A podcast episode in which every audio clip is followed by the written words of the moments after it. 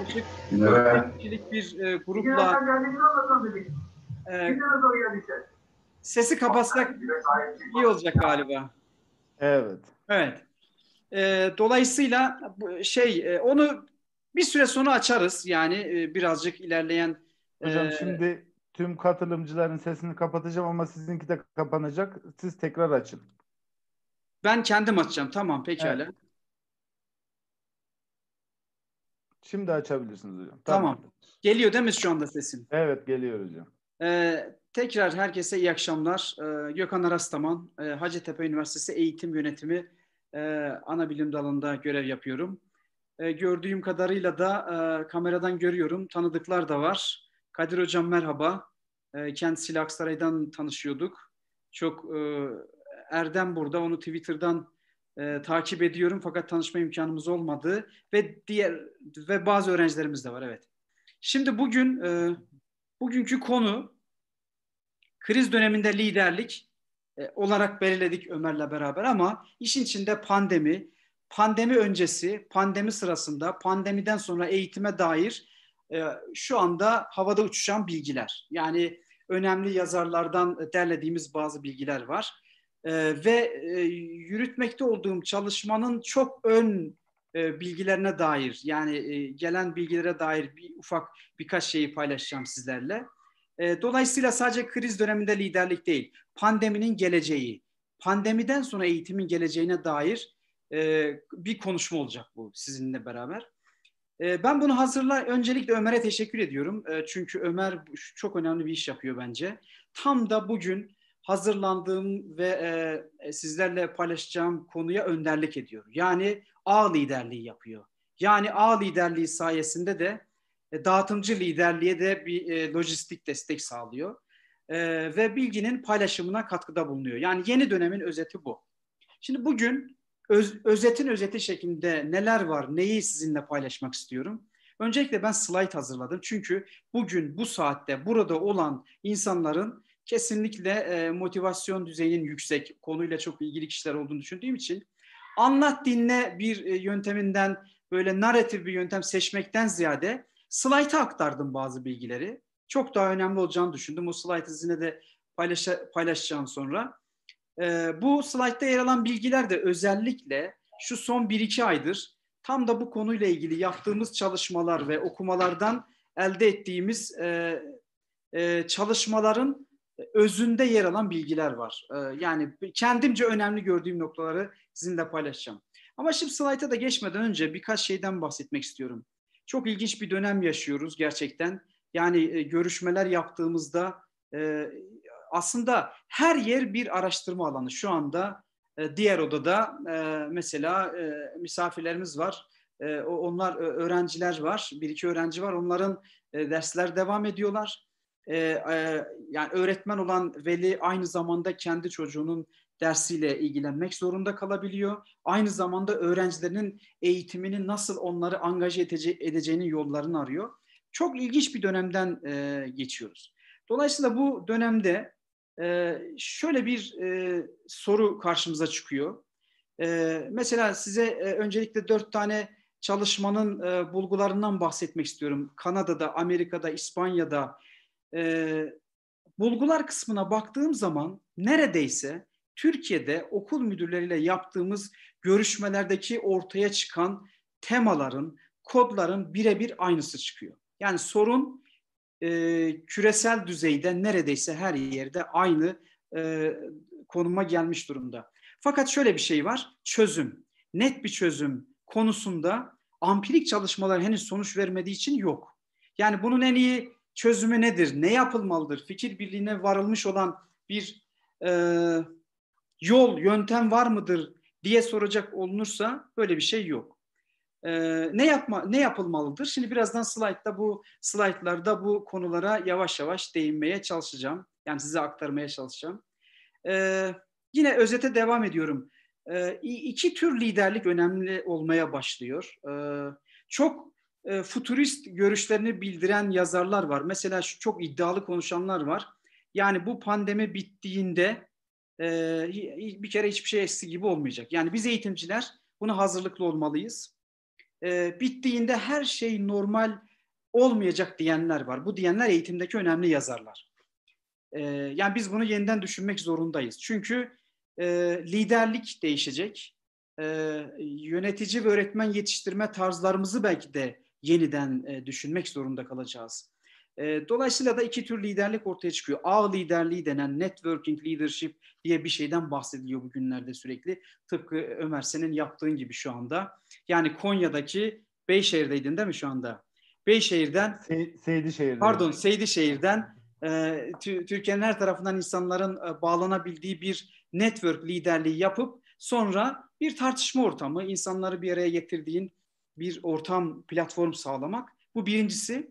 İkincisi de e, dağıtımcı liderlik. E, yani daha önceden de sıkça üstünde durduğumuz son dönem e, sosyal adalet liderliğiyle beraber en çok tartışılan konulardan birisi e, dağıtımcı liderlik. E, bunun e, çok e, gündemde olması e, şey değil, e, e şansa bir durum değildir. Çünkü toplumdaki sosyoekonomik düzeyin dengesinin şaşmış olması da buna eşlik ediyor diyebiliriz. Şimdi ben isterseniz burada eğer e, paylaşıma izin verdiysen Ömer, yaklaşık olarak yarım saat sürebilecek bir sunuyu sizinle paylaşmak istiyorum. Ekran okumasının daha iyi olacağını düşündüm. Çünkü e, araştırma yapmalıyız. Yani konuşmaktan ziyade konuşmaktan ziyade bizim bir sonuç ortaya çıkarmamız lazım. Bu bilgilerden yola çıkarak bir kendi kontekstimize bağlı olarak araştırma sonuçlarının e, gelmesi lazım ki iyi örnekler, uygulamalar da beraberinde gelsin. Bunu düşündüm. Sadece konuşmak yerine bu slaytı koyup slayt okuması yapacağım oradan. Tartışma e, tartışmalar da olacak. Kendimce tartışacağım. Bittikten sonra da eminim e, bunlara yönelik olarak çünkü orada sorularım da olacak. E, katılımcılardan e, çok değerli geri dönütler gelecektir diye düşünüyorum. Şimdi şu anda izin verdin herhalde değil mi Ömer? Verdim hocam.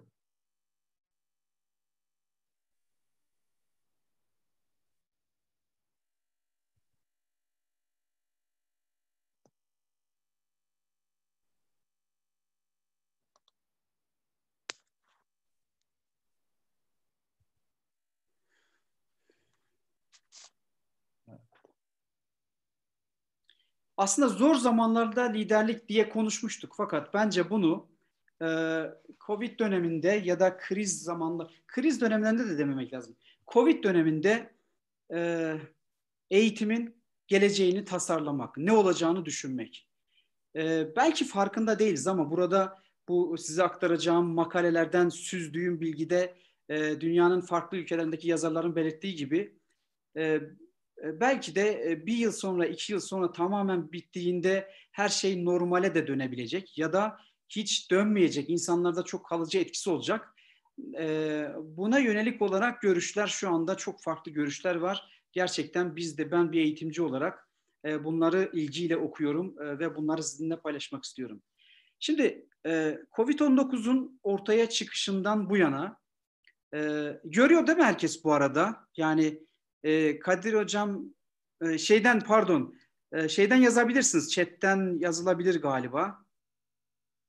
Ekran görünüyor hocam şu an. Görünüyor. Pekala tamam.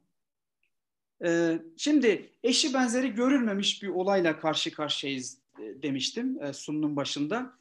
E, yani eğitim bağlamında, eğitimi etkilemesi bağlamında diyorum. Çünkü e, bu e, çok kısa bir süre içinde dünyanın her tarafında e, bütün toplumları neredeyse birebir aynı şekilde etkileyen bir e, bir olay oldu. Buna bazıları süpernova diye adlandırmışlar bazı yazarlar. Yani bir yıldızın işlevini tamamlayıp birdenbire patlaması gibi bir şey.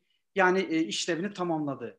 Yani bu metaforla aslında eğitimin de bildiğimiz geleneksel eğitimin de işlevini tamamladığını bu Covid salgınıyla beraber bir patlama noktasına geldiğini ve bizim bunu yeniden düşünmemiz gerektiğini söyleyenler var. E, böyle olunca da e, eğitim öğretim işi yani öğretme işi çevrim içi öğretmen desteğiyle sınırlayan uzaktan ekran tabanlı bir etkinlik olarak tüm dünyada tanımlandı. işte 1.6 milyar e, öğrencinin okula gidemediğinden e, bir bahsediliyor. Tüm okullarda eğitim, öğretim neredeyse duraklatıldı ve e, eğitim önemli ölçüde de yeniden düzenlenme yoluna gidildi. Şimdi bu küresel kap kapanma döneminde eğitim sıfır fiziksel temasla ev tabanlı, teknoloji destekli, uzaktan bir aktivite olarak e, başlatıldı. Bu küresel kapanmaya eğitimcilerin bir gecede yanıt vermesi e, en çok bizi eğitimcileri zorlayan bir şeydi. Yani çok kısa bir dönem içinde bu kadar önemli bir olay karşısında eğitimcilerden e, buna e, bir çözüm bulunması ya da işte nasıl olacak, ne olacak gibi sorularına yanıt verilmesi beklendi. Birçok ülkede çocukların tekrar okula başlaması süre gelen bir sorun ve hararetli tartışmaların da odak noktası olmuş durumda şu anda. Yani biz şu anda neyi tartışıyorsak e, milli eğitimde, okullarda, İspanya'da, e, Kanada'da, ABD'de, Şili'de, dünyanın herhangi bir yerinde de aynı konu birebir tartışılıyor. Bu da bizi gerçekten küresel anlamda çok farklı düşünmeye sevk ediyor. Ee, diğer bir sorun okulların yeniden açılan okullar sosyal mesafe, hijyen ve okul çevresindeki tüm hareketlerin dikkatli bir şekilde düzenlenmesi gibi önemli bir zorlukla da karşı karşıya. Okulların yeniden aç, okulları yeniden açmanın güvenli veya mantıklı olup olmadığı konusunda neredeyse her ülkede toplumun her kesiminde tartışmalar yaşanıyor bildiğiniz üzere. Ancak okulların yeniden açılması ya da kapalı kalması ile ilgili tartışmaların kaygı verici olduğunu görüyoruz. Aynen bizde olduğu gibi. Yani veliler, e, öğrenci veliler çocukları göndermek istemiyorlar. E, e, ve bu bir ayrışmaya sebep oluyor aynı zamanda toplumda ve işin ilginç tarafı aynen deneyimlediğimiz gibi büyük ölçüde de bu tartışmalar maalesef sonuçlu sonuçsuz kaldığını söyleyebiliriz. Değerli hocam, sunum modunu alma imkanımız var mı PowerPoint'e acaba? Yazılar biraz küçük kalınca takip pardon, etmekte pardon. zorlananlar var. Aldım, aldım, aldım. Çok teşekkürler hocam. Ee, peki bu sonuçsuz kalmanın e, bizim için e, ne gibi bir e, e, neyi düşünmeliyiz tekrar, ne yapmalıyız diye e, kendi kendimize sormamız gereken bir noktadayız. Cevabı net olmayan bir soru ama e, ön bilgiler ışığında bazı şeyler, e, bazı e, uygulamaya dair e, ipuçları da gelmeye başlıyor. E, mevcut pandemide okulları açmanın etki ve sonuçlarının ne olacağı uzun vadede bilinmiyor. Fakat bildiğimiz bir şey var. Yani eğitim cephesinden baktığımızda bu e, uzun süreli kapanmanın çok farklı boyutlarının olacağı söyleniyor. Yani bu söylemler de yine e, alandaki önemli kişilerin e, ampirik bulguları değil de söylemlerine dayalı olduğunu e, söyleyebiliriz. E, çünkü e, bu eve kapanmayla beraber insan sermayesinde bir boşluk olacağı söyleniyor. Yani bu bir yıl e, bir e, ulusun gençliğinde çok önemli bir e, süreç çünkü. E, aynı zamanda çocuklarda psikolojik etkisi de e, hissedilmeye başlanıyor. Hızla değişen bir dünyada hızlı çözümlerin gerekli olduğu bu kargaşa zamanda öncelik liderlerin, öğretmenlerin, öğrencilerin, ebeveynlerin ve okul hayatının yeniden açılmasına dahil olan tüm paydaşların sağlığı, sağlığı ve mutluluğu, iyi oluşu da diyebilirim. Ee, en çok vurgulanan e, bu yazılarda konulardan birisi. Yani şöyle, biz bunları konuşuyoruz, çözüm bulmaya çalışıyoruz, e, teknikler bulmaya çalışıyoruz ama e, önemli bir noktayı kaçırmak lazım. Önce e, herkesin, tüm paydaşların mutluluğunu, sağlığını, iyi oluş haline düşünmek zorundayız. Liderler önce kendinden başlayarak bu iyi oluş halini sağlamalıdır. E, bunu da bir, bir biraz da ilerleyen slaytlarda e, belirtmeye çalışacağım. E, yani Maslow'un ihtiyaçlar hiyerarşisi gibi düşünebiliriz.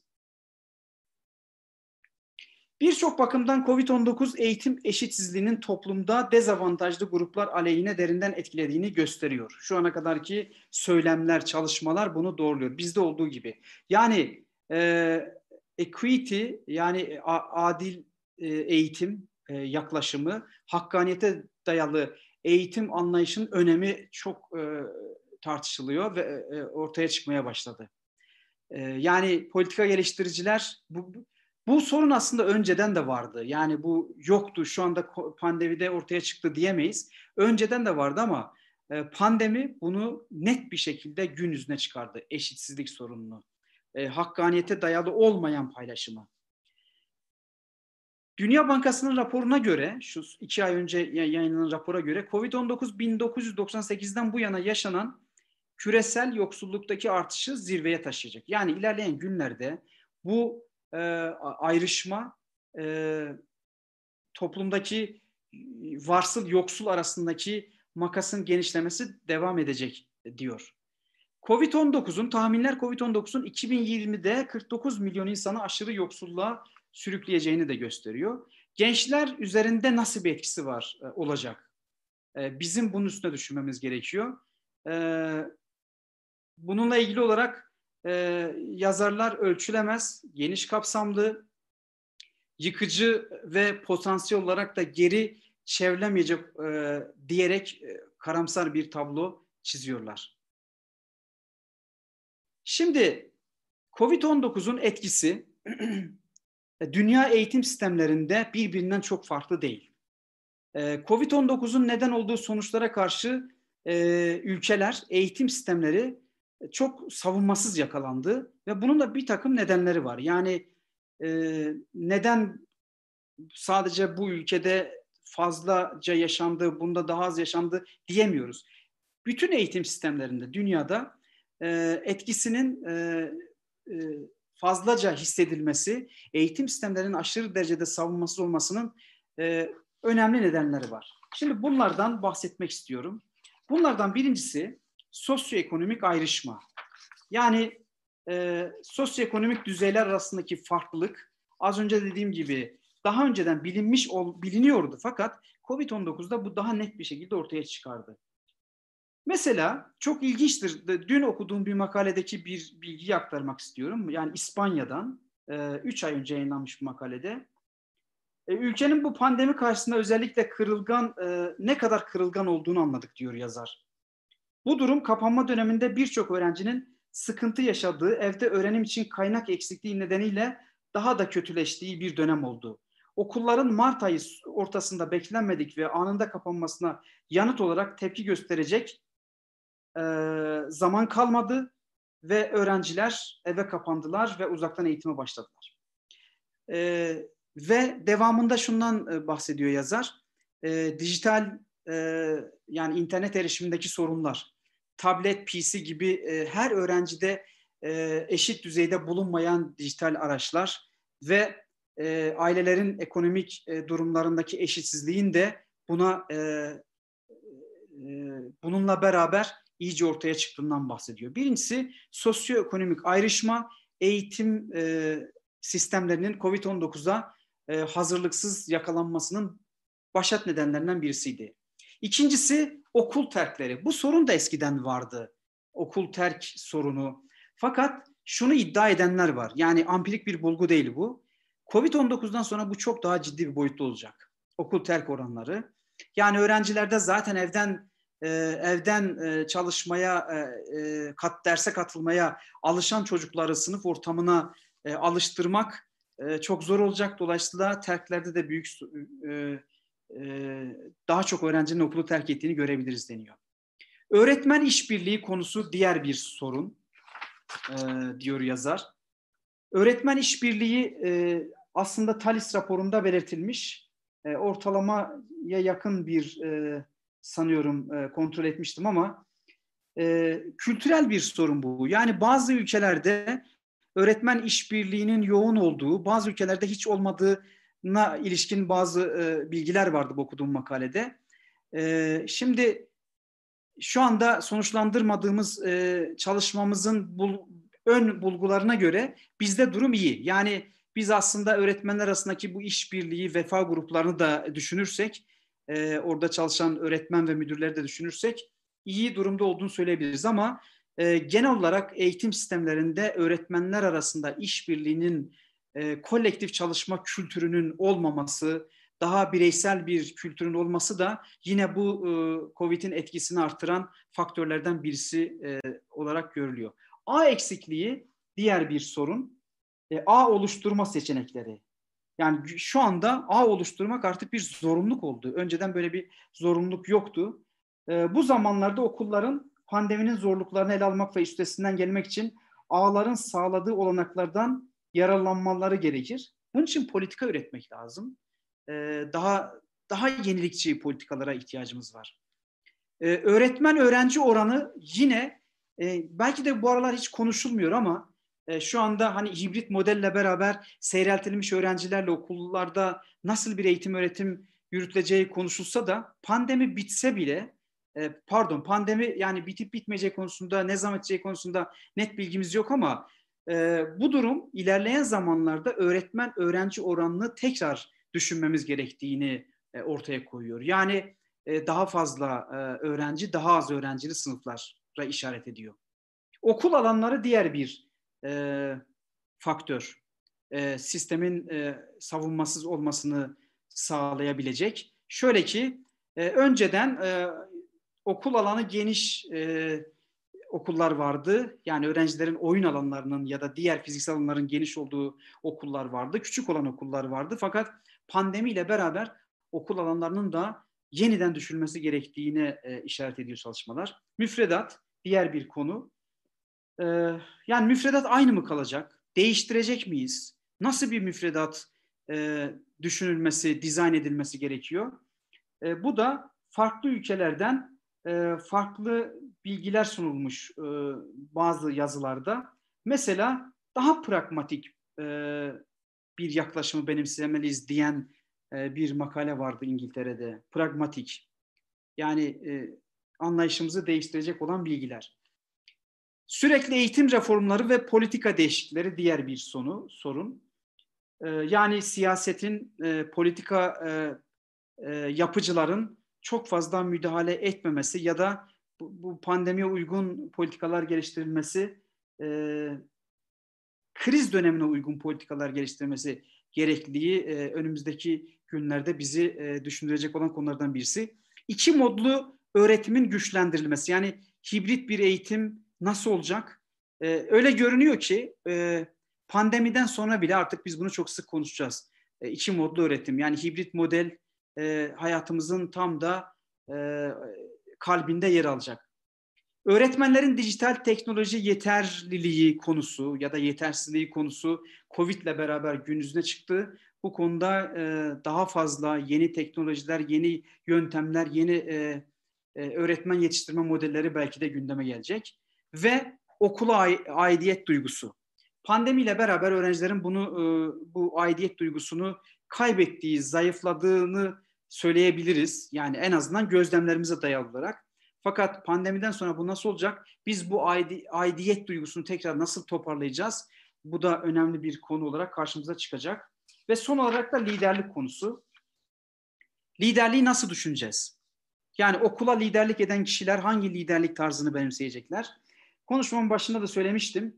Öyle görünüyor ki networking leadership, e, ağ liderliği, ağları yönetme becerisine sahip olmak ve dağıtımcı olmak, dağıtımcı liderlik ön plana çıkacak. Ee, var mı şu anda ben şeyi görmüyorum ama e, neden ona chat durumunu e, şu an herhangi bir soru yok hocam. Soru yok. Pekala. Ee, şimdi Covid-19 eğitimde en önemli olanı yeniden düşünmek için bize bir altın bir fırsat sunuyor. Ee, şu, belki ilerleyen zamanlarda bunu daha çok düşünmeye başlayacağız ama tam da zamanı olduğunu konusunda hem fikir e, eğitim alanındaki düşünürler. Pandeminin pedagojik, pedagojik bir yenilenme hareketinin gelişine izin verip vermeyeceği veya pandemi sona erdiğinde eğitimin basitçe başa dönüp dönmeyeceği konusunda soru işaretleri var. Bu tam da bu konuyla ilgili bitiminde e, katılımcılardan e, açıkçası görüş almak istiyorum. Siz neler düşünüyorsunuz? E, salgın sonrası eğitimde iki olasılık var. Ya her zamanki gibi geleneksel eğitime dönüş yapacağız ya da bambaşka bir eğitime geçeceğiz. Bu konuda Hargreaves şu anda uzun ve karanlık bir tüneldeyiz diyor. Pandemi sona erdiğinde zorluğumuz tam olarak eskisi gibi e, işlerin yürümesi olmayacak. Deneyimlediklerimizi derinlemesine düşünmek ve daha iyisi için e, keskin bir dönüş yapmak olacaktır diyor. E, peki liderlik konusunda e, liderlik konusunda e, yazılar neyi düşündü, neyi düşünmeliyiz, ne tür bir liderlik olacak? E, Covid-19'un yarattığı zorlu ve kaotik koşullarda çalışan okul liderler için şu anda gerçekten aralıksız bir baskı söz konusudur. Seçenekler sınırlıdır. Stres yaratan faktörler ise çoktur. Ee, görüştüğüm üç okul müdürünün e, bildirdikleri, bu yazdıklarımdan tamamen bağımsız şeyler, neredeyse önde gelen makalelerdeki e, yazarların görüşleriyle birebir örtüşüyor. Yani bir şok, devamında seçeneklerin sınırlı olması, o şoku atlattıktan sonra tekrar eğitim ortamına doğru alışmalar, fa- e, farklı alanlarda farklı iş bölümlerinin kendilerine verilmesi gibi çok böyle e, zor şartlar altında çalıştıklarını söyleyebiliriz. Bir ama şunlar değişti bir kere. Yani bizim aslında hayatımızı değiştiren önemli şey şu oldu. Bir okul gününü oluşturan personel toplantıları, kahve görüşmeleri ve meslektaşlarla koridor sohbetleri veya odalardaki sohbetler bitti. Sosyal ilişkilerin inşa edildiği ve liderliğin hayata geçirildiği tüm bu gayri resmi önemli anlar bir kısa zaman diliminde ortadan kayboldu. Ebeveynler, öğrenciler ve öğretmenler belirsizlikte ya normal hizmetin geri dönmesini bekliyorlar ya da istikrar, devamlılık ve güvence sunabilecek yeni bir normal umudu içindeler. İkisinin de fakat şunu söyleyebiliriz, ikisinin de kısa bir zaman diliminde gerçekleşeceği ihtimalinin düşük olduğu söyleniyor. Biz de bilmiyoruz yani e, bu normale e, az önce bahsettiğimiz rutinlere dönebilecek miyiz? Okul liderleri bu olumsuz koşullara rağmen koşulları da sistemin en zorlu pozisyonda e, yakalandılar. Bunu kabul etmek lazım. Yani en üstte politika belirleyiciler ve bunun uygulamadaki e, savaşçıları olan e, okul e, lideri e, e, müdürler e, en kritik ve zor pozisyondalar. Okul liderleri sistemin üst kademelerinden gelen COVID-19 tedbirlerine ilişkin süreçler, prosedürler ve protokollerin rehberliğine bağlılar. Yani çok da özel hareket edemiyorlar aslında. En azından kendi ülkemiz için konuşabiliriz. Bunların virüsün nasıl geliştiğine bağlı olarak neredeyse bir gecede değişebilmesi güçlüğün derecesini de arttırıyor. Bu bir kriz zamanda liderler hızlı ve öngörülü hareket et, etmelidir deniyor. Yani strateji ne olmalıdır? Nasıl davranmalıdır? Eğitim lideri e, e, nasıl bir tavır takınmalıdır? Birincisi hızlı hareket etmek ve basit düşünmek şeklinde e, e, söyleyebiliriz. E, öngörülü olmak gerekir. Fakat aynı zamanda seçenekleri, sonuçları ve alınan önlemlerin yan etkilerini dikkatli bir şekilde değerlendirmek gerekir. Fakat kimse bu krizde atılan herhangi bir önlemin en iyi çözümlerin, en iyi eylemin, yan etkilerinin ne olabileceğini tahmin edemiyor. Yani bir taraftan e, okulların açılması gibi böyle içten kalben isteğimiz, insan sermayesinin e, kaybolmamasına yönelik isteğimiz varken ama bir tarafta da sağlık gibi çok önemli tıp alanından gelen uyarıları da gözünde bulundurduğumuzda tahminler adeta çöküyor. Okul liderleri güvenlik ağı olmayan bir ipte yürüyor gibidir deniyor e, e, yazar Hargreaves. Esasen bir pandemide okulu yönetmenin model ve kılavuzun olmadığı söylenebilir. Bu da işi ayrıca güçlü kılan bir şey. ee, küresel kapanmanın doğayla yaptığı ateşkesten başka çıkarmamız gereken olumlu bir ders daha var. Bu belirsiz zamanlarda ortaya çıkan işbirlikçi ağlardır. Ağ liderliği yani konuşmanın başında bahsettiğim e, Ömer hocamızın da şu anda gerçekleştirdiği ağ liderliği çok önemli olmaya başladı. Yani ağları kullanmak değil ama aynı zamanda ağ liderliği yapmak. Buna öncülük etmek, bilgi paylaşımının e, tam ortasında yer almak. İnsanlar ağlar hakkında düşündüklerinde önceden ilk şunu düşünüyorduk, dijital teknoloji. Ancak ağlar yalnızca teknoloji arenasında mevcut değil. Aynı zamanda siyasette, ekonomide, toplumda, kültürde, tabii ki eğitimde de bu ağların çok önemli bir yeri var. Ağlar COVID-19 ile mücadelede yılmazlık kazandıran stratejilerin ön saflarında yer alıyor. Bir okul müdürümüzün e, görüşmesini den kısa bir bölümü şu anda size buradan aktarmak istiyorum. Ee, benim ayakta kalmamı, güçlü olmamı en, sağlayan en önemli şeylerden birisi bu ağlardı. Dostlarımla dayanışma içinde olma duygusu e, toparlamamı ve e, psikolojik olarak sağlam kalmamı sağladığı gibi bir anekdotu vardı. Onu sizinle paylaşmak istedim. Yani ağların e, şu an için bu kadar önemli bir fonksiyonu var.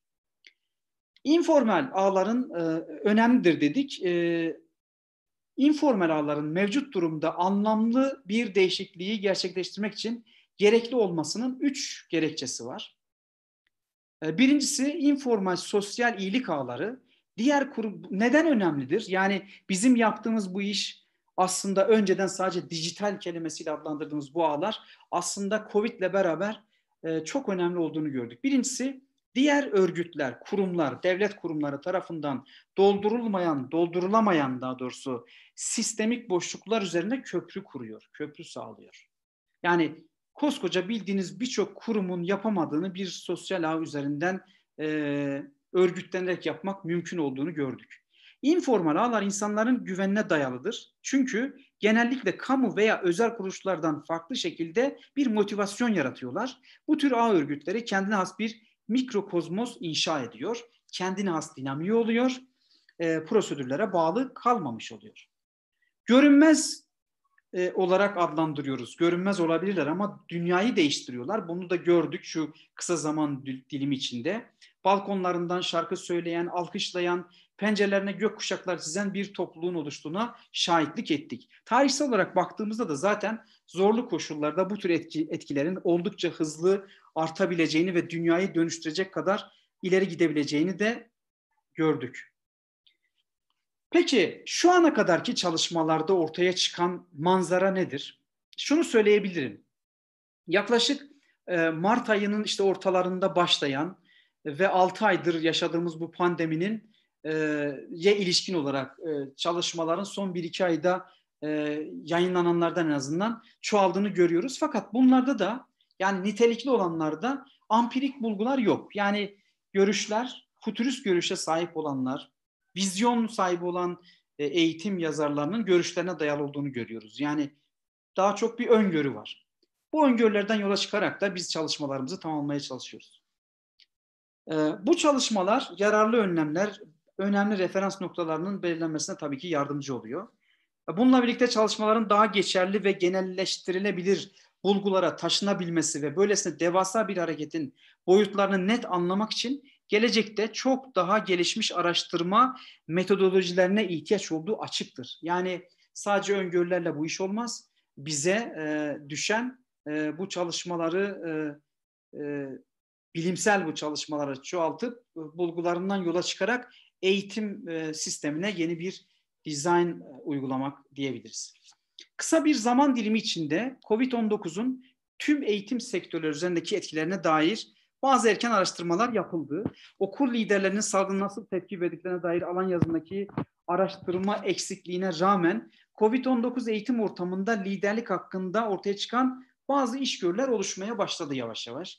Mesela aşağıda yedi önermeden bahsetmiş bir son iki ay içinde çıkan bir makaleden aldığım yedi önermeyi sizinle paylaşacağım. Bu yedi önermeyi ilerleyen zamanlarda öyle görünüyor ki biz test etmeye sonuçlarını değerlendirmeye başlayacağız. Bir, e, okul liderliği uygulamaları COVID-19 nedeniyle önemli ölçüde ve belki de geri dönüş olmayan bir şekilde değişti. Pandeminin bir sonucu olarak okul liderliği kendi ekseninde kaydı ve yakın zamanda normale dönme olasılığı da düşüktür.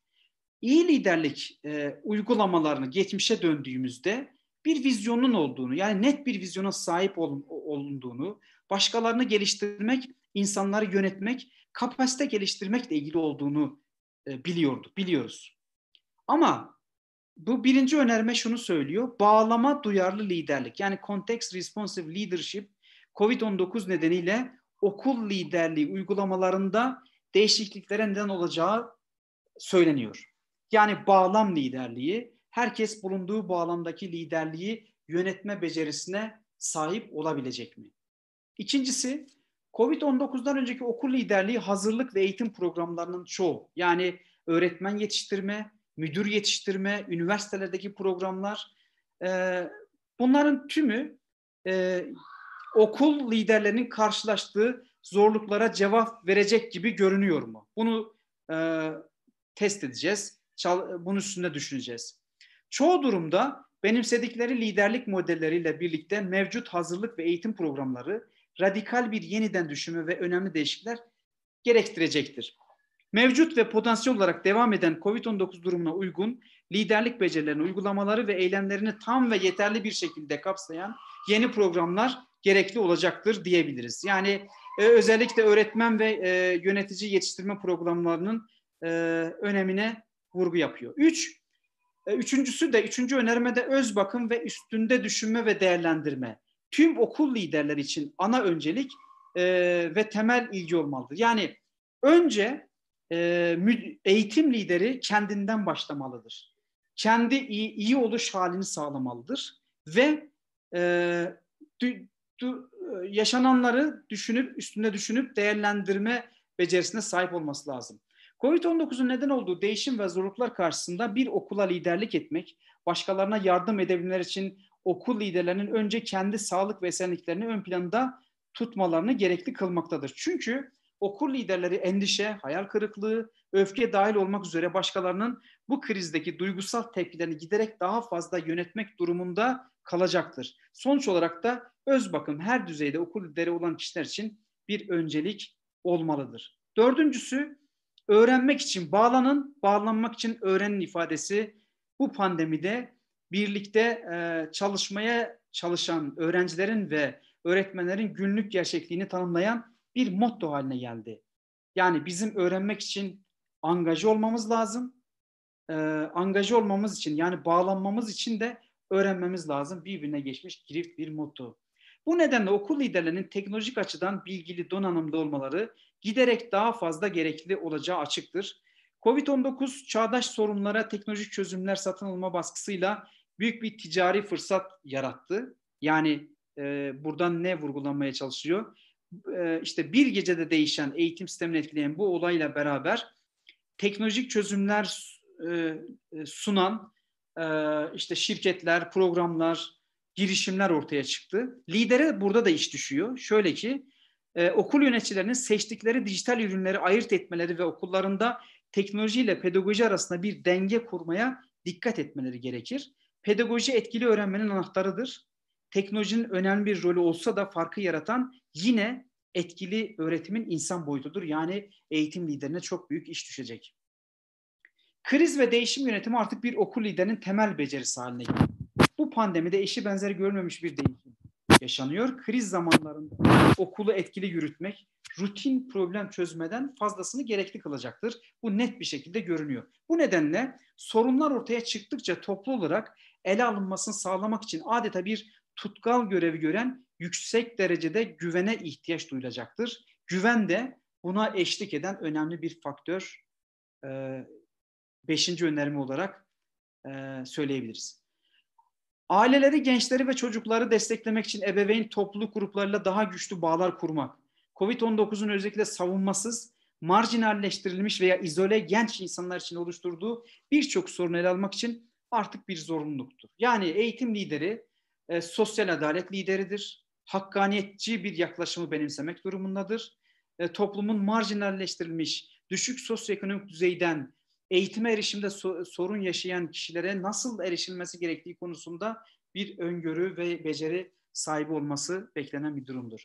Okul liderinin sorunların çözümünde bağlantı kurmasını, paylaşmasını, öğrenmesini ve ağ oluşturmasını gerekli kılan dağıtımcı liderlik pandemi döneminin e, başat liderlik davranışlarından biri haline geldi. E, Covid-19'un yarattığı sayısız zorluk göz önüne alındığında çoğu okul lider için dağıtılmış liderlik neredeyse hayatta kalmak için bir zorunluluk haline geldi diyebiliriz. Eski normal, yeni normal, sonraki normal. Bu bunu çok ilerleyen zamanlarda çok duyacağız. Ee, hayatımızda nasıl bir yer alacak? Gerçekten e, sonraki normal diye bir şey olacak mı? Yeni normal, sonraki normal diye bir şey olacak mı? Ee, dünyanın dört bir yanındaki eğitim sistemleri çok farklı bağlamlarında benzer zorluklarla boğuşuyor e, konuşmamın başında söylediğim gibi yani İspanya'da, İtalya'daki yayınlara bakıyoruz. Neredeyse çıkan sonuç Türkiye'de günlük böyle tartıştığımız konularla birebir aynısı. Covid-19 küresel salgını tüm dünyada zorunluluktan kaynaklanan hızlı eğitim reformuna yol açtı ancak kasıtlı ve düşünceli bir planlama değildi bu. Bir sonraki normalimizi düşünürken kendimize şu soruları sormalıyız. Okul topluluklarımızın mesafeli bağlılığını ve öğretimin ilişkiselliğini yeni, nasıl yeniden ateşleyebilir? Bunlara nasıl dayanabiliriz? Eğitimin etkililiğini nasıl ölçmek ve yargılamak istiyoruz? Yani yeni pandemi, yeni normalde, sonraki normalde etkililik nedir? Tırnak içinde. Nasıl ölçeceğiz? Nasıl yargılayacağız? Ee, okul eğitiminin ve öğretmenin rolü ne olacak gibi sorular e, önemli olmaya başlayacak. Tüm bu e, anlattıklarımdan ve e, alandaki alan yazından derlediğim sonuçları şimdi sizinle paylaşmak istiyorum. Son 3-4 slaytta. Eğitim liderlerinin işi her zaman önceden de karışıktı, zordu. Fakat e, şimdi daha zor olmaya başladı. Stratejiyi, kültürü, ilişkiyi, yönetimi, ilişki yönetimini, işlemleri, karmaşık karar vermeyi, çok sayıda hareketli parçayı ve sıklıkla çelişen paydaş görüşlerini içeriyor. Ee, bunlarla arasının iyi olması lazım. Bu becerilere sahip olması lazım. Covid-19 salgını sırasında okullar ve okul sistemleri sürekli gelişen koşullara, hizmet verdikleri topluluklarda yaşayanların yaşamlarının artan karmaşıklıklarına ve dış taleplere yanıt vermeye çalışıyor. Okullar kamunun, politikanın ve medyanın inanç ve görüşlerine tabidir. Yani e, görüyoruz son dönemdeki tartışmalarda toplumun çok farklı kesimlerinden görüşler, inançlar, medyada özellikle yer alan e, e, olgular, olaylar ve bunların sonuçlarına tabidir yönetici. Yani bundan bağımsız değildir.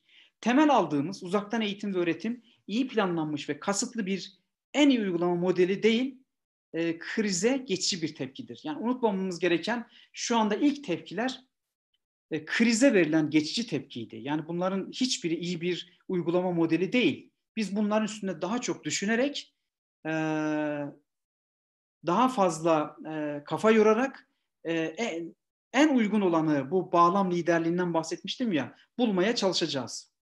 Covid-19 eğitime dair çok şeyi değiştirdi ve öngörülemezlik ve belirsizlik artık tüm lider okulların parolası haline geldi. Yani lider okullar olarak altın çiziyorum. E, öncü okullarda dahi e, öngörülemezlik ve belirsizlik bir parola olarak geçiyor. Liderlik standartları, hazırlık veya geliştirme programları, teftiş çerçevesi ve kriterleri olmayan yeni bir liderlik düzeni ortaya çıktı.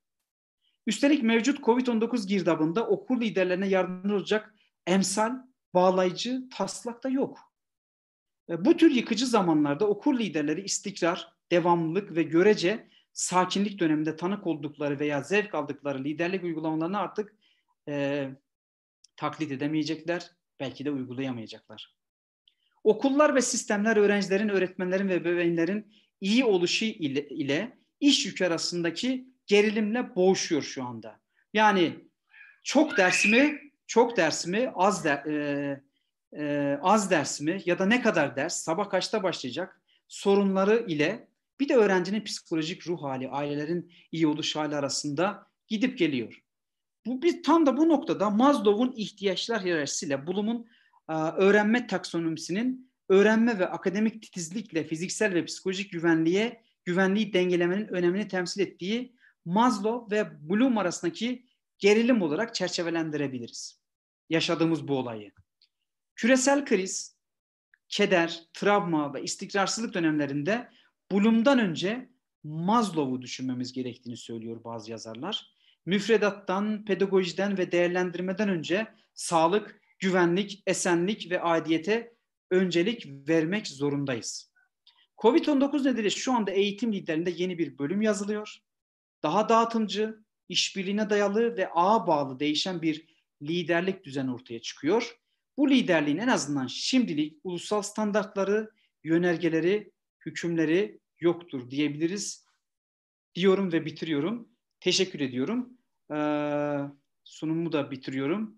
Ee, Ömer. Hocam ee, sağlık. Şimdi herhalde sesi açabiliriz. Dolayısıyla tartışma şeklinde devam ettirebiliriz. Evet izin verelim. katılımcılara. Burada e, chat kısmında bir sorumuz var. Meral Tıraş hocamız sormuş. Salgın döneminde evde geçirilen süreyi düşündüğümüzde sizce öğrenciler geleneksel eğitimi kabul edebilecekler mi? Ya da bu eğitim yeterli olacak mı? Bu konuda biz öğretmenlere neler önerirsiniz diyor hocamız. Ee, bir, bir, sorun ilk kısmı bir daha okur musunuz? Tam oraya kaçtı. Sesin Sal, kesildi? Salgın döneminde evde geçirilen süreyi düşündüğümüzde sizce öğrenciler geleneksel eğitimi kabul edecekler mi? diye Yani soruyor. pandemi sonrasında mı? Ee, Neden böyle anlıyorum ben. Yani bu iş bittiğinde. Yani geleneksel eğitime evet. sorduğuna göre pandemi sonrasında. Ee, ben e, şöyle düşünüyorum. Ee, şu anda e, üniversitedeyiz. E, işin K12 boyutu ayrı. Çünkü yaş grubu olarak farklı boyutta. Hani yaş grubu arttıkça lisans, yüksek lisans, doktora da bile fark ediyor.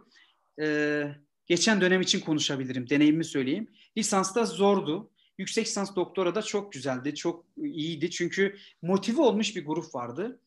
Ben şöyle düşündüm. Yani etrafımdaki e, K12 grubundaki öğrencileri gördüğümde pandemi geçse bile çok kısa süre içinde tekrar öğrencinin o bağlılığını, okul aidiyetini sağlamak güç olacak. Bunu bunu da şimdiden düşünmeliyiz. Bunun stratejiden ayarlanmalıyız. Hocamın e, sorusuna e, şahsi görüşüm böyle olabilir diyorum. Evet hocam teşekkür ediyorum.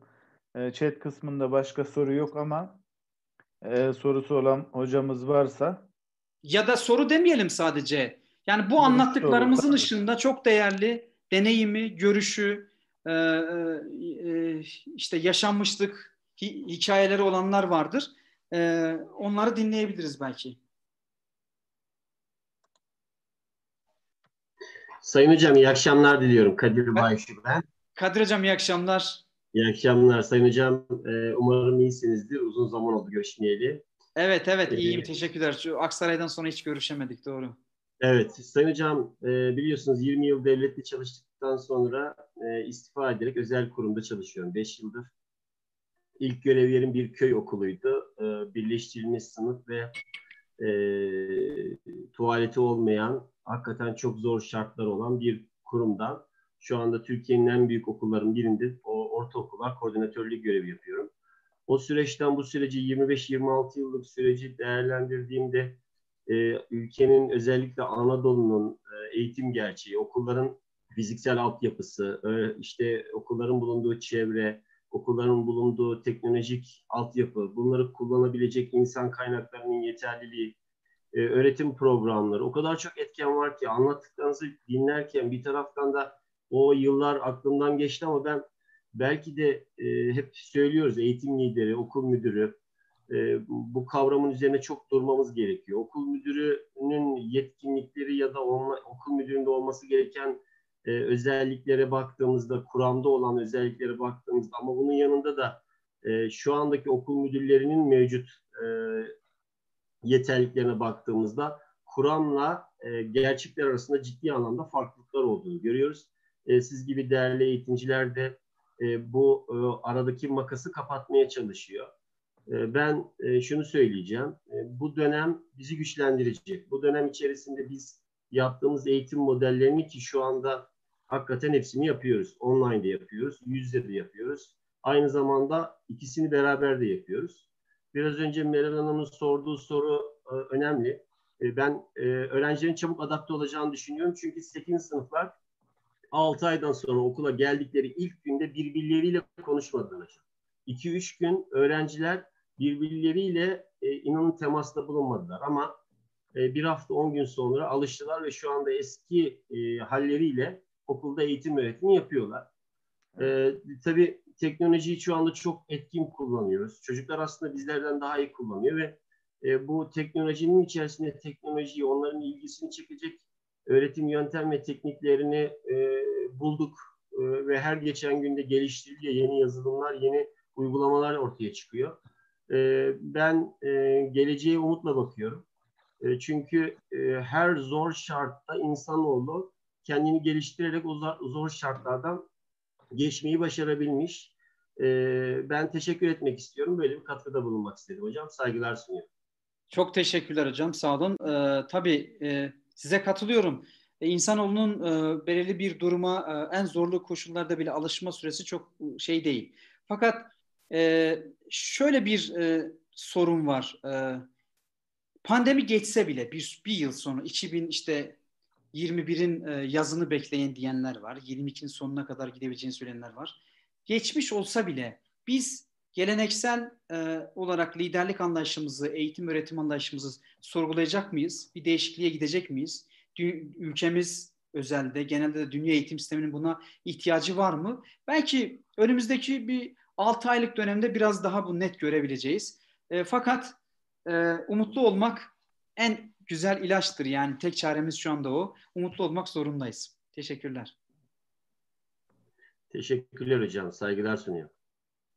Sayın hocam ben de e, bir şey ifade etmek istiyorum burada. E, ayrıca bir de buna bağlı soru sormak istiyorum. E, şimdi insan bilmediğinden korkar. Yani bilinmeyenden korkarız. Pandemi sürecinin başından itibaren yaptığımız bu online etkinliklerde e, ve kendi çevremde sosyal medyada öğretmenleri izlediğim zaman genel itibariyle bir korku seziyorum öğretmenlerimizde. Çünkü bilinmeyene doğru bir gidişat var ve öğretmenlerin önünde dijital bir dünya var. Ee, öğretmenlerimiz bu dijital dünyayı nasıl yöneteceğini ve okul dışında nasıl eğitim liderliği yapacağını e, bilmediği için genel bir tereddüt e, yaşanıyor diye düşünüyorum. Böyle gözlemliyorum. E, bu noktada sizin görüşleriniz nedir? Öğretmenler nasıl eğitim liderliği yapacaklar bu dönemde acaba?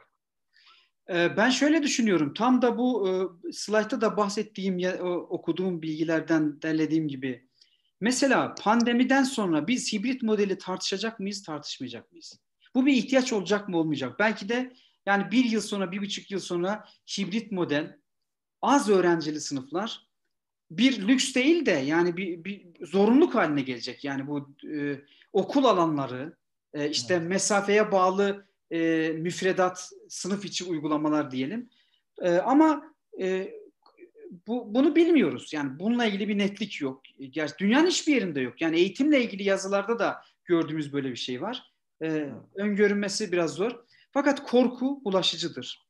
E, korkunun bulaşıcılığının e, ortadan kalkması için puslu havanın geçmesi lazım. Burada bizi ilgilendiren şey, bu anlattığım e, konunun özünde yer alan şey eğitim liderlerine çok önemli iş düşüyor. Yani önce onların psikolojik sağlamlığının e, psikolojik sağlamlığını e, sağlamalar lazım. Yılmaz olmaları lazım. E, bunu yapmalar için de ağ liderliğini başlatmaları lazım. E, bu şekilde bu ikisi e, bu iki yöntemle beraber e, korkunun önüne geçilebilir diye düşünüyorum. Ülker hocamız da öğretmenleri dijital olarak yenilemek lazım. Bunun için bakanlığın uzaktan eğitim kursları vermesi gerekiyor diye düşünüyorum. Ya da nasıl bir yol izlenmeli diye soruyor.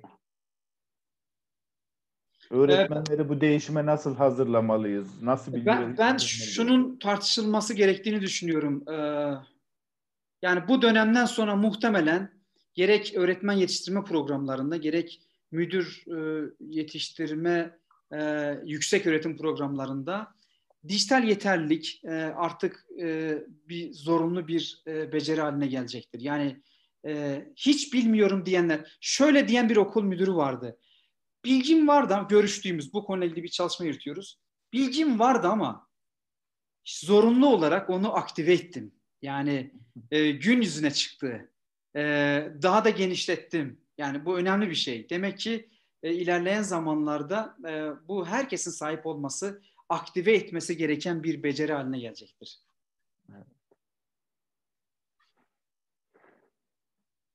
Var mı arkadaşlar e, görüş ve önerileriniz, sorunuz? Ömer Hocam merhabalar. Merhabalar Fatma Hocam. Ee, Buyurun sizi dinliyoruz. Evet Gökhan Hocam merhaba. Teşekkür merhaba. ederim sunduğunuz için. Osmaniye'den sınıf öğretmeniyim ben. Hı hı. Ee, bir yıldır, bir buçuk yıldır öğretmen eğitimleriyle ilgileniyorum burada. Ee, şu gözlemim oldu. Şimdi öğretmenlerimiz e, eğitim akademileri kapsamında online eğitimlere katıldılar. Bu birçok ilde e, yapıldı. Bizim burada da yapıldı. Online olan eğitimlerde katılım oranı genelde düşük. Hı Çünkü sizin de belirttiğiniz gibi e, ağ liderliğini henüz kendileri oturtmadıkları için bilmediklerinden dolayı da cesaret edemiyorlar. Şimdi e, yani bu pandemi başlayalı bayağı e, süre geçti. Geri tekrar yeni bir eğitim öğretim yılına e, girdik. Şimdi tekrar öğretmen eğitimleri planladık. Fakat ben şöyle telefonlar alıyorum arkadaşlardan. Ee, biz konferans eğitimlerine katılmak istemiyoruz. Bizim için zaman kaybı. Ee, bunları yapacağınıza e, az sayıda hizmet içi eğitim yapın. 10 kişi olsun, 12 kişi olsun, işte 15 kişi olsun ama yüz yüze olsun. Yani çünkü konferans eğitimlerden hiçbir şey anlamıyoruz ee, ve yeterli de olmuyor bizim için. Bu yönde çalışmalar yapar mısınız? Şimdi bu talepler var. Bu talepler karşısında biz öğretmenleri değişime nasıl e, açık hale getirebiliriz? Birinci sorun bu. İkinci e, gözlemim de e, iyi öğren yani bu e, zaten mesleğinde çağa ayak uydurmuş olan öğretmenler, yöneticiler e, pandemi öncesinde de iyiydi. Pandemi sırasında da zaten bunlar biraz daha e, becerilerini e, ortaya koyarak yine aynı şekilde e, bu yani tıkla okul e, hesabında yine aynı başarıyı elde ettiler. Yani başarılı öğretmenler ve okullar yine bu süreçte de başarılıydı. E, fakat diğer yöneticiler e, yani sürece dahil olmuyorlar. Sürece sürece dahil olmadıkları gibi diğer öğretmenlerin, aktif olan öğretmenlerin e, bu tarz yaklaşımlarını da ukalalık, çok bilmişlik, her şeyi kendiniz biliyorsunuz şeklinde algıladıkları da oluyor. E, bu da öğretmenlerin şevkinde tabii ki e, düşüş olarak yansıyor. E, böyle okul yöneticilerine karşı nasıl tutum sergilemeliyiz?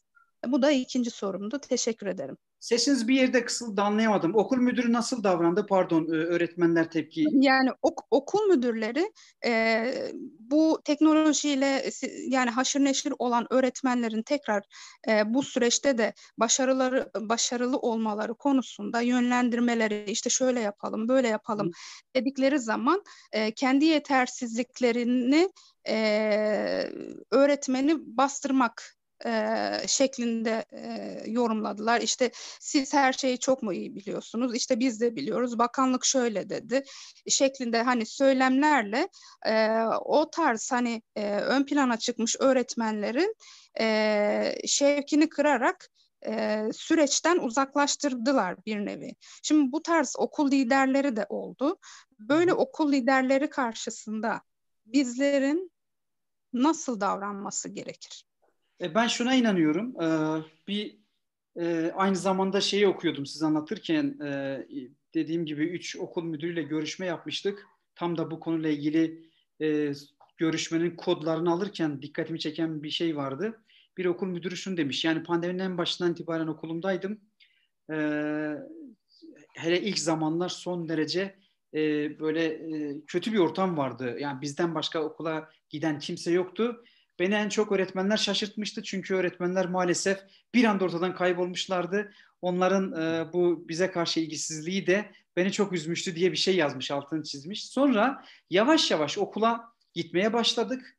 Normale dönmeye başladık. Ee, küçük gruplar halinde yardımcılarımla be- beraber okulda bulundum. Hatta bazı velilerle küçük görüşmeler yapmaya başladım. Bu durum bazı küçük öğrenci gruplarının bile okulda gelip toplanıp bazen işte ikişer, üçerli gruplar halinde işte oynadıklarını ya da sohbet ettiklerini falan gördüm. Değişime ayak uydurmalarını sağlamak için e, yapılması gereken şey adım bir anda olan bir şey değil tabii ki bu. Hocam yani müdür bakış açısından söylüyorum. E, bunu e, 6. aydayız şu anda. İlk aylarda sağlamak zaten zordu.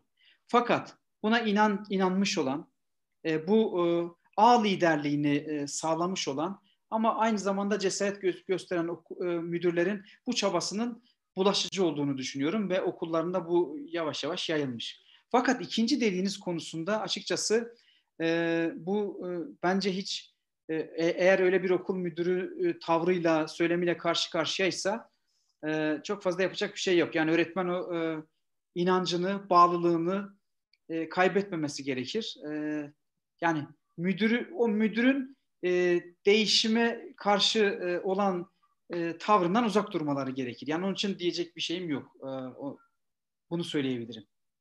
Ama belki hocalarımızdan, katılımcılardan benzer durumlarla karşılaşmış ve bu durum karşısında da örnek bir davranış modeli gösteren e, e kişiler vardır. Onlardan alabiliriz.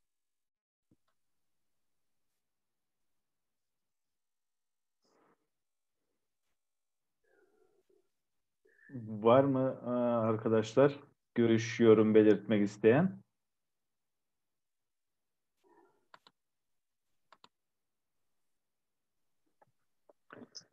Herhalde bu kadar Gökhan Hocam. Pekala. Dinlediğiniz için teşekkür ediyorum. Aslında bizim yapmamız gereken şey araştırmak, e, bulgulara sahip olacak çalışmaları başlatmak, e, bu ağın içinde yer almak. Aksi takdirde sadece uzaktan bakıp e, imite etmeye devam edeceğiz. Sayın Hocam, e, teşekkür ederiz. Ben e, her şeyi söylemek istiyorum müsaade ederseniz. Tabii.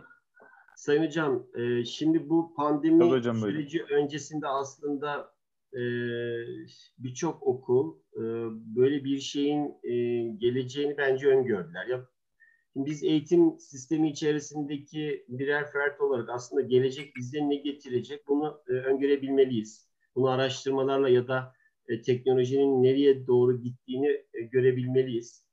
E, biz Konya'da e, iki tane fabrika var. Birisi Akınsoft insansı robot üretiyorlar. Biri de e, Kocaeli'nden Konya'ya taşınan Ünlüver'in e, çok büyük bir fabrikası var. Orta Doğu'nun en büyük deterjan fabrikası. Hı hı. Bu fabrikanın e, yanında da çok büyük bir depo var hocam. Bu deponun ebatları e, eni e, 100 metre, e, uzunluğu 200 metre, yüksekliği 40 metre, kapalı bir e, devasa bir alan düşünün. Bunun içerisinde normalde Kocaeli'nde yaklaşık 700 kişi çalışıyormuş. Şu anda o depoda 40 kişi çalışıyor. Biz içeriye girdik. İçeride robotlar çalışıyor hocam ve e, insan eli değmeden her türlü iş ve işlemleri e, robotlar e, götürüyor. Hayretler içerisinde kalmıştık. Şimdi eğitim nereye gidiyor? Eğitimin bu giden süreçte e, okullar e, ne yapmalı, programlar nasıl şekillenmeli? E, tabii bu pandemiden önce biz 6 yıl öncesinden, 5 yıl 6 yıl öncesinden online canlı dersler yapıyorduk mesela okul olarak.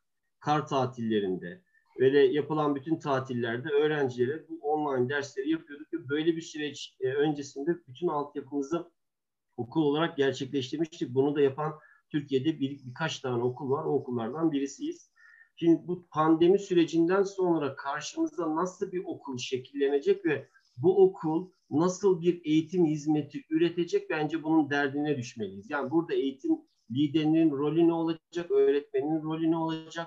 Hmm, ben e, bu konuda kafa yorulması gerektiğini düşünüyorum. Evet bu süreç bir yıl belki iki yıl sürecek ama ondan sonra okullar rolü değişecek. Belki müdürün rolü değişecek. Belki çocuklar okula sadece sosyalleşmek için gelecek. Yani farklı farklı senaryolar ve bu senaryolar için hazırlıklı olması gerektiğini düşünüyorum. Teşekkür ediyorum hocam. Ben teşekkür ederim. Ee, keşke bütün okulları Türkiye'de sizin okulun e, e, sunduğu imkanlar düzeyine çıkarabilsek. Yani evet. kamu okullarında da, özel okullarda da bu sunumun başında bahsettiğim ayrışmayı en aza indirebilecek politikaları hayata geçirebilsek. Ben şöyle düşünmüştüm pandeminin başında. Dijitalleşme hakkaniyeti sağlayacak. Ama şu an görüyoruz ki dijitalleşme hakkaniyeti yani adil bir e, eğitim sunumuna e, cevaz vermedi, sağlamadı, sağlayamadı daha doğrusu. Eşitsizlik, hakkaniyetsizlik e, maalesef dünyanın her tarafında devam ediyor. Üst düzey politika belirleyici liderler için söylüyorum. Bu e, makasın kapatılması, sosyal adalet liderliği, refah ülkesi yaklaşımının benimmes- benimsenmesi gerektiğine inanıyorum ben. Diyerek, ee, Gökhan Hocam soru sorabilir miyim? Tabii buyurun. Ee, iyi akşamlar İzmir'den e, Ümit Kocakaradayı. Felsefe ha, buyurun Ümit Hocam. E, Ege Üniversitesi e, Tesis Yüksek Lisans EYTEP mezunuyum. Hı hı. E, şimdi burada slaytlarınızı gerçekten çok dikkatle izledim. Hepsini çok güzel okudum. Çok teşekkürler makalelerden.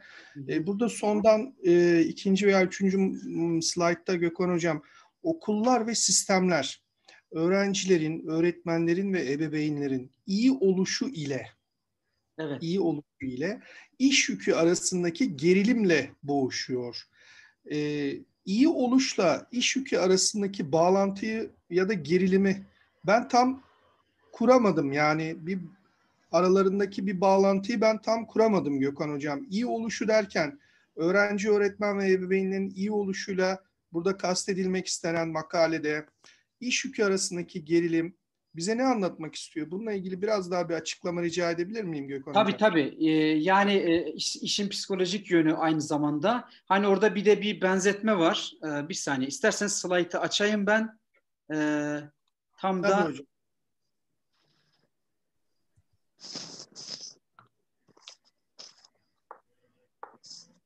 Evet burası hocam. Şimdi ee, iyi oluş e, bu özel önemli bir kavram olmaya başladı. Well-being kavramı. Ee, yani e, bu aynı zamanda e, OECD e, raporlarında, OECD'nin yaptığı sınavlar sonucunda e, tüm dünya ülkeleri içinde bir politika, politik kavram olarak ortaya çıktı. İyi oluş halini sağlamak. İyi ol, oluşla e, neyi dediniz? İş yükü arasında, evet. Evet, şunu, şunu vurgulamaya çalıştım. Bence bu bizim için çok önemliydi. Sıcak bir tartışmanın evet. tam ortasındayız. Yani öğrenciler sabah 9'da başlayıp akşam işte e, öğleden sonra 4'e 5'e kadar devam eden günlük 9 6-7 saatlik ders süreleri boyunca ekrana bağlı kalması mı yoksa öğrencinin mutlu olması, iyi oluşu, refah düzeyinin sağlanması mı?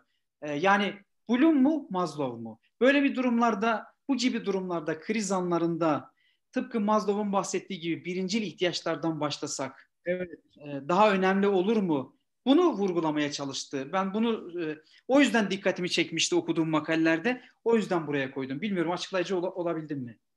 Tamam hocam. Teşekkür ederim. Ben teşekkür ediyorum. E, hocam merhaba. Söz alabilir miyim? Tabii. Merhaba. E, merhaba hocam, ben Yurdagül Doğuş. Gazi ha, merhaba Yurdagül, merhaba. Doktor öğrencisiyim. Sizi dinlemek Aha. çok güzeldi. Aha. Ee. Birkaç deneyimlerimden birkaç katkı yapmak isterim. Tabii. Ee, şimdi bu COVID-19 döneminde e, eğitim nasıl olacak, nasıl devam edecek, nasıl sürecek? E, muhtemelen hibrit devam edecek. Yani bu online eğitimin kazanımları bizim de çok hoşumuza gitti öğretmen olarak. Yani Hı alternatif çalışma yapmak istediğimizde, e, bir öğrenci grubuna kurs vermek istediğimizde evden çalışmak bizim de çok hoşumuza gitti. E, kimin sorumluluğu var? Yani sorun birazcık burada. Velinin e, eğitime yüklediği anlam, okuldan beklentileri. Hocam biliyorsunuz tezimin bir bölümünde okul etkililiği çalışıyorum. Hı hı hı. yani yaptığım taramalarda da Türkiye'de yürütülen çalışmalarda etkili okullar, özel okullar ve kamu okulları arasında e, bir karşılaştırma yapılmış. Özel okullarda e, çalışan öğretmenler, yöneticiler ve veliler bir okulun etkili olmasından müdürlerin ve öğretmenlerin sorumlu olduğunu düşünüyor. Ama kamu okullarında e, öğretmenler ve veliler sorumludur diyor okulun etkililiğinden. Yani bir kere burada bir bakış açısında bir farklılık var. Az önce bir özel okulda çalışan hocamız kendi okulundan örnek verdi. Ee, özel okullarda sorumluluğu yönetici ve öğretmen üstleniyor. Kamu okullarında velinin de sürece dahil olması bekleniyor. Yani yönetici o kadar çok sorumlu olduğunu düşünmüyor. Öğretmenlerin ve e, velilerin sorumlu olduğunu düşünüyorlar. Ve bu süreçte e, benim çocuklarım bir özel okula gidiyor. Neden özel okula gidiyorlar? Çünkü e, eşim ve ben çalışıyoruz. Biz aynı zamanda çocuklarımızın bir kurum bakımını da üstlensin istiyoruz. Yani biz evde olmadığımız saatlerde çocuklarımız da evde olmasını istiyoruz, okulda olsun istiyoruz. E, benim çocuklarım e, bu süreçte e, yapılan her online eğitime katıldılar. Yani hiçbir dersi kaçılmadılar. E, normal e, örgün eğitime devam eder gibi, yüz yüze eğitime devam eder gibi tüm derslere katıldılar. Ancak biz kamu okullarında, bu bizim okula özgü bir şey değil. E, öğrenciyi e, bilgisayarın başına getiremedik. Bu sorunun neden kaynaklandığını araştırdık. Acaba bizim öğrencilerimizin teknolojik yetersizlikleri mi var? İnternete erişimleri mi yok? Ve tüm öğrencilerimize telefon yoluyla ulaştık. Sadece tek bir öğrencimiz e, internete olmadığı için e, online eğitime katılamadığını söyledi. 621 öğrencimiz var. 620 öğrencimizin gerekçesi bu değildi. Ve biz bütün dersleri iki ya da üç öğrenciyle gerçekleştirdik. Ben rehber öğretmenim hocam. Bu süreçte hem veli eğitimleri hem de öğrencilerle özellikle 8. sınıflarda e, bu süreci online devam ettirdik. EBA tarafından tanımlanan birçok dersi tek başıma ekranın karşısında bekleyerek geçirdim. E, yani dersin bitimine kadar da hani hiçbir öğrenci yok ama sonuçta dersten erken çıktım görünmesin diye dersin sonuna kadar ekranın karşısında bekledim. Şimdi biraz bunu da düşünmek gerekiyor. Yani biz neden özel okulların e, gerçekleştirdiği bu online eğitimi kamu okulları olarak gerçekleştiremedik? E, yani benim okulum küçük bir okul, e, bir İmam Hatip Ortaokulu ve öğretmenlerin e, farklı bir şey var İmam Hatip Ortaokullarında. Kültürel algıları var. Yani İmam Hatip kültürü denilen bir şey var. Örgütsel vatandaşlık davranışını çok gösteriyorlar. Yani çok fedakar çalışıyorlar. Görev tanımlarının dışındaki çok işi yapıyorlar. Ailelerle işbirliğini çok sağlıyorlar. Yani öğretmen kaynaklı bir sorun yaşanmadı. Ama veli Veli birazcık bu süreçte öğrencinin sorumluluğunu almada yetersiz kaldı. Yani sorunlardan birisi buydu. Ee, bir Fatma hocam dedi sanırım e, Osmaniye'den bağlanan. Dedi ki yani daha önce başarılı olan okullar bu süreçte de başarılı oldu dedi. Ben tezim için buradan bir cümle çıkarttım. Yani bu okul etkililiği kapsamında e, etkili okullar, e, yüz yüze eğitimin sürdüğünde etkili olan okullar sanırım pandemi sürecinde de daha etkili olmaya devam etti. Çok boyutlu bir şey hocam. Hem veli hem öğretmen hem yönetici hem politika yapıcılar e, ama süreç özellikle veli üzerinden gitti. Veli e, öğrencilerin eğitimini e, yani eğitime tam katılımını teşvik edemedi bu süreçte. Birazcık böyle bir sorun oldu. Teşekkürler. Ee, bir şey söylemek istiyorum. Kültürel sermaye buna bir cevap olabilir mi acaba? Yani düşündüm sadece şu anda aklıma o geldi. Yani neden e, bir okul ayrımı yaptık? Hı hı. Etkili olanlar. E, kültürel sermayenin bir rolü olabilir mi sence burada? Olabilir hocam. Bir de hocam şimdi biz bir Avrupa Birliği projesi yürütüyoruz. Altı ortakız. Projeyi ben yazdım. Konusu da tam da böyle birazcık okul bağlılığı gibi bir şeydi. Yani öğrencilerin okula aidiyetleriydi. İsmini biz koyduk Çocuk fiziksel olarak okulda çünkü yasalar zorluyor. Okulda olmak zorunda. İsmini de duygusal okul terki diye koyduk. Tam bu süreçte hani böyle tam da bununla örtüşen bir şey oldu. Şimdi İspanya'dan, İtalya'dan, Portekiz'den, Polonya'dan, Romanya'dan ortaklarımız var. Sizin de makalelerde belirttiğiniz gibi süreç tüm bu ülkelerde bu şekilde gitti. Yani onlar da aynı şekilde öğrencilerini e, online eğitime dahil edemediler. Yani öğren onların da yani oradaki arkadaşlarımızın da öğrencileri online eğitime katılmadı. Yani e, kültürel sermaye mi, e, biz işte e, Z kuşağı değiliz, e, işte dijital göçmeniz veliler olarak. Yani bizim bu teknolojiye e, Fatma hocamın o müdür direncine bahsettiği şeyde birazcık böyle düşündüm. Yani e, biz hani dijital göçmen değiliz. Yani teknolojinin içine doğmadık teknolojiye bilinçaltı bir şekilde bir tepkimiz var ve sadece bizim ülke e, pedere formları var hocam. Yani siz de bilirsiniz. Yani orada tüm Türkiye'den arkadaşlar benzer şeyleri söylediler. Bir öğrenci, iki öğrenci, üç öğrenciyle ekran başında oturuyoruz. Bizim ülkemizde böyle bu bahsettiğim ortağımız olduğu olan ülkelerde de durum aynen bu şekilde. O zaman birazcık acaba kültürel sermayeden ayrıldı mı diye düşündüm. İşte alışkanlıklarımız var. Ee, tekrar okula döndüğümüzde öğrenciler okula ait hissedecek mi kendini?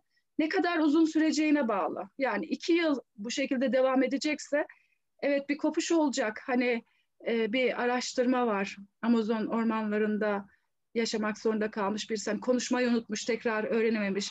Yani biz bu e, şeyimizi kaybedebiliriz iki yıl sürerse ama altı ay sonra geri döneceksek işte sizin de bildiğiniz gibi homostatis diye bir şey var. ve bir iki hafta bo bocalamadan sonra evet. tekrar evet. kaldığımız yerden devam edeceğiz. Evet kesinlikle yani uzunluğuna bağlı bir de şöyle bir şey var. Yani benim deneyimim e, lisans geçen dönem e, yeniydik, bilmiyorduk. İlk kez böyle bir şeye girdik. E, tıpkı slaytlarda, slaytlarda bahsettiğim gibi zorunluluktan kaynaklanan bir reaksiyondu bizim yaptığımız. Aslında uzaktan eğitimden ziyade e, orada lisans öğrencileriyle ders yürütürken hiçbirisi kamerayı açmıyordu. Mesela bu dönemle birlikte iş değişti. İşin kuralları değişti. Üniversite bir kere buna yönelik tedbirler getirmeye başladı. Biz öğrendik nasıl davranmamız gerektiğini, onlara nasıl e, engage etmemiz gerektiği konusunda bilgi de oluştu. E, o, o rahatlıkta olamayacaklar. Rahatlık demeyeyim de daha doğrusu onların nasıl e, e, dahil edilmesi dahil edileceğinin yollarını öğrenmiş olduk. E, zaten yüksek lisans doktora grubunda öyle bir şey sorun yoktu. E, onlar çünkü dediğim gibi motivasyon sağlamış gruptu. Benzer e, bu deneyimler e, K12 grubu, ya ilkokul, ortaokul düzey, düzeyinde de gerçekleşecektir ve en önemli sorun tabii ki e, pandeminin süresine bağlı diyorum. Evet, evet. Teşekkürler Yurdagül. Ben de çok teşekkür ederim hocam. Sizi dinlemek çok güzeldi. Aa, çok teşekkürler. Katılman da beni çok sevindirdi. Ben de katkı sağlayabilir miyim acaba? Tabii tabii. Tabii Serdar Hocam buyur. Öncelikle iyi akşamlar tüm arkadaşlara. Gökhan Hocam e, hoş geldiniz.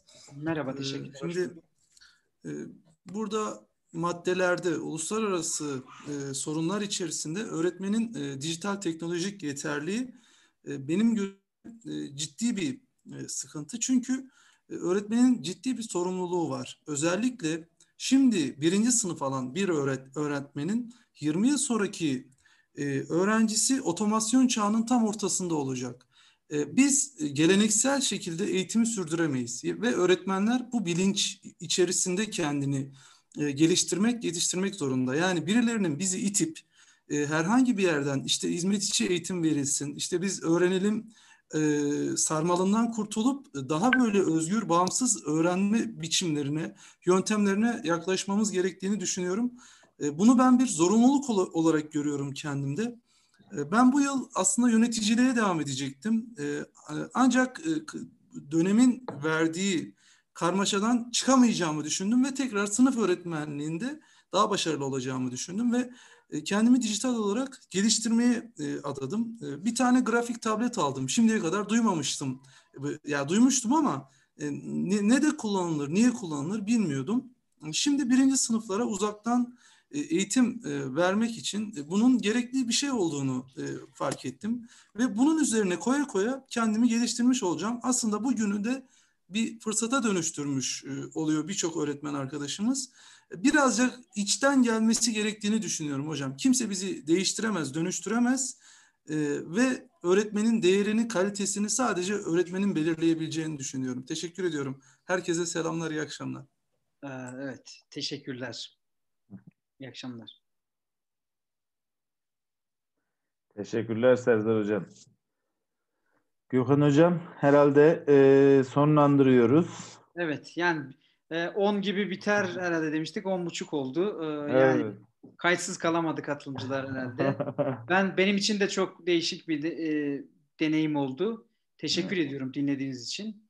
Ee, işte e, bu ağ liderliği yani ülkenin şu anda çok farklı yerinden insanlarla bunu paylaşmış olmak e, bu krizin yarattığı bir avantaj diyelim.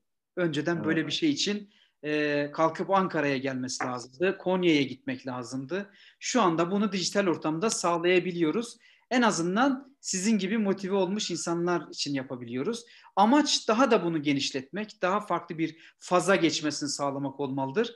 Bunun için de evet. daha çok çalışacağız. İnşallah hocam. Çok teşekkür ediyorum bu akşam ben için. Ağzınıza sağlık. Katıldığınız için de ayrıca teşekkür ediyorum. Hı.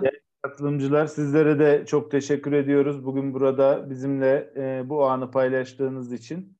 E, herkese iyi akşamlar diliyorum. E, bugünkü etkinliğimizi sonlandırıyorum.